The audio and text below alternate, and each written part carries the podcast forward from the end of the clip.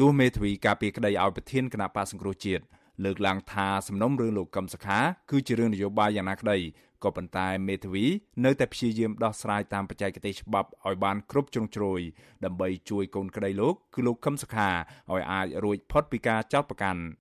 មេធាវីម្នាក់របស់លោកកឹមសុខាគឺលោកផែងហេងឲ្យវិសុអាស៊ីសេរីដឹងនៅថ្ងៃទី24ខែឧសភាថា លោកសង្កេតឃើញថាមានមេត្រានៃច្បាប់ខ្លះអនុញ្ញាតឲ្យអាជ្ញាធររដ្ឋឬរដ្ឋាភិបាលអន្តរាគមដើម្បីបញ្ចប់ការចោទប្រកាន់ឬការផ្ដន្ទាទោសបានដែរលោកឲ្យដឹងទៀតថាក្រមមេធាវីគ្រងជួបលោកកឹមសុខាដើម្បីជជែកគ្នាពីទស្សនវិជ្ជាច្បាប់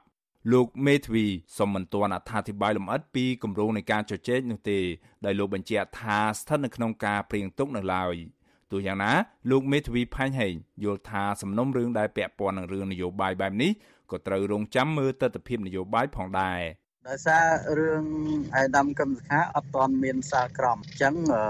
ព្រះមហាក្សត្រលោកមិនអាចលើកលែងកើតទេប៉ុន្តែនៅក្នុងក្រមនីតិវិធីខ្ញុំមិនចាំមេត្រាដូចជាមេត្រា8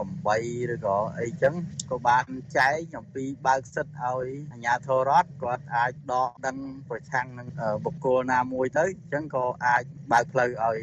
តុលាការមានសិទ្ធក្នុងការសម្រេចលើកលែងចោទប្រកាន់បានដែរ ឆ្លើយតបទៅនឹងការលើកឡើងនេះអ្នកនាំពាក្យគណៈបព្វប្រជាជនកម្ពុជា លោកឈឹមផាវរុននៅតែអះអាងថារឿងក្តីលោកកឹមសុខា មិនមែនជារឿងនយោបាយនោះទេលោកថាសំណុំរឿងលោកកឹមសុខាមេធាវីត្រូវជជែកតទល់គ្នាជាមួយតុលាការក៏ប៉ុន្តែលោកថាតុលាការសម្រាប់ជំនុំជម្រះក្តីនៅពេលណានោះគឺជាសិទ្ធិសម្រេចរបស់តុលាការសម្រាប់ខ្ញុំវាមិនមែនជារឿងរបស់ គណៈបកនយោបាយហើយក៏មិនមែនជារឿងរបស់រដ្ឋាភិបាលទេវាជារឿងរបស់តុលាការដែលតុលាការបានធ្វើបន្តបន្តទោះយ៉ាងណាសំណុំរឿងលោកកឹមសុខាត្រូវបានមតិជាតិនិងអន្តរជាតិចាត់ទុកថាជារឿងនយោបាយដែលបកកណ្ដាលអំណាចប្រើប្រាស់ប្រព័ន្ធតុលាការដើម្បីការពារអំណាចរបស់ខ្លួន ដោយការរំលាយគណៈបកប្រឆាំងនិងចាប់ខ្លួនមេបកនេះដាក់ពន្ធនាគារនៅមុនការបោះឆ្នោតជាតិកាលពីឆ្នាំ2017 ជុំវិញការបន្តជំនុំជម្រះក្តីលោកកឹមសុខាឡើងវិញនៅពេលណានោះ Visual Asia ស្រីបានព្យាយាមសុំការឆ្លើយបំភ្លឺពីប្រធានតុលាការសាលាដំបងក្រុងភ្នំពេញលោកតាំងសុនឡាយនិងប្រធានលេខាធិការដ្ឋានសាលាដំបងរាជធានីភ្នំពេញលោកអ៊ីរ៉ាននៅថ្ងៃទី24ខែឧសភាប៉ុន្តែពេលទូរស័ព្ទហៅចូលត្រូវបានបិទទៅវិញ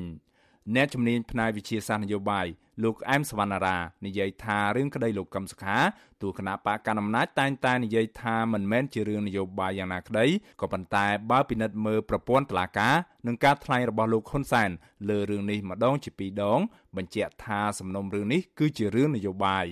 អ្នកខ្លាំមើលរូបនេះយល់ថាទោះតឡាការព្យាយាមពន្យាពេលក្តី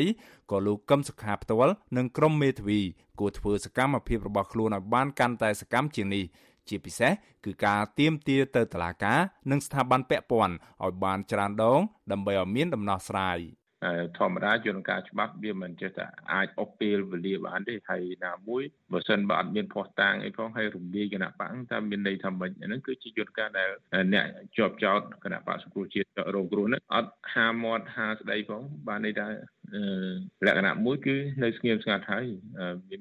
មានហេតុផលអីផ្លូវច្បាប់ធម្មតាអ្នកចំតោក៏មានគេហៅថាមានភាពស្មើគ្នាចំពោះមុខច្បាប់នៅការតវ៉ាបានដែរតែដល់ពេលគាត់នៅស្ងៀមអញ្ចឹងបានន័យថាយ៉ាងមិនប្របខណ្ឌមួយយើងសួរអន្តរជាតិគេមិនសូវជីកអាលទេដោយសារតែ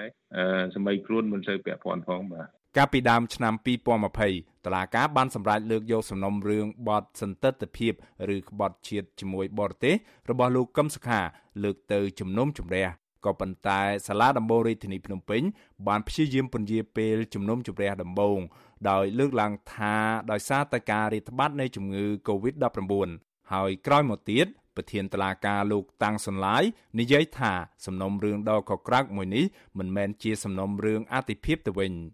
ចំណែកឯអ្នកនាំពាក្យក្រសួងយុទ្ធភ័ពលោកចិនម៉ាលីន ធ្លាប់និយាយថាបើចង់ឲ្យតឡាការពន្លឿនដំណើរការក្តីលោកកឹមសុខានេះលុះត្រាតែយកលោកកឹមសុខាទៅឃុំនៅក្នុងពន្ធនាគារឡើងវិញខ្ញុំបាទមេរិត Visual Asia ស្រីរីកាពីរដ្ឋធានី Washington